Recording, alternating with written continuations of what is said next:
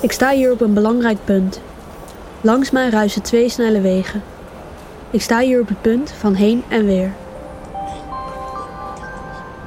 Eerstvolgende metro is lijn 51 richting Centraal Station. Ik kan mijn reis vervolgen, maar ik kan hier ook nog even blijven. Een aantal enorme gebouwen kijken op mij neer. Aan de ene kant voel ik mij claustrofobisch, aan de andere kant voel ik mij omarmd. Deze levendige, moderne stad fascineert mij. Dit lijkt het Amsterdam van de toekomst. Ik besluit om hier nog even te blijven. Verwonderd kijk ik om mij heen. Het zakelijke hart van Amsterdam.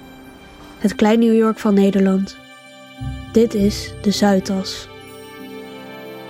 De Amsterdamse Zuidas is al jaren in opbouw en zal voorlopig ook nog wel even in opbouw blijven. Drie partijen spelen daarin een belangrijke rol. Rijkswaterstaat brengt de snelweg de A10 Zuid onder de grond en gemeente Amsterdam en ProRail kijken hoe de Zuidas het beste ingericht en het mooiste vormgegeven kan worden. Samen met nog vele anderen willen zij de bereikbaarheid en leefbaarheid van dit relatief nieuwe stadsdeel vergroten. Mijn naam is Ellie van der Werf en samen met mijn editor Wiesje van Amstel, die u zo net al even hoorde met haar zelfgeschreven gedicht, maak ik een podcast over de Zuidas in Amsterdam. We werken in opdracht voor Rijkswaterstaat en zijn vooral benieuwd naar de toekomstplannen voor dit unieke gedeelte van Amsterdam. Dus dat gedeelte waar die Rijksweg het project Zuidas kruist, ja, daar kruisen ook onze belangen bij.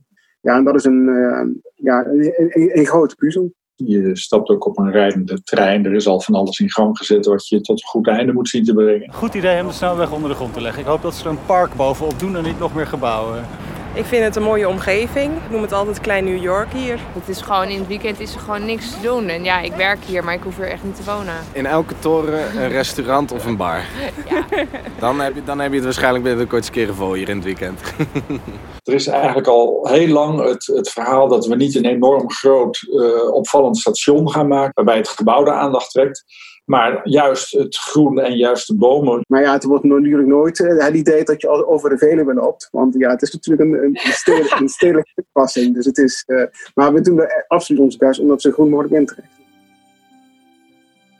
In deze podcast neem ik u mee op mijn reis naar de Zuidas en ga ik in gesprek met de Rijkswaterstaat zelf, gemeente Amsterdam en een aantal mensen die we tegen zijn gekomen tijdens ons bezoek aan de Zuidas.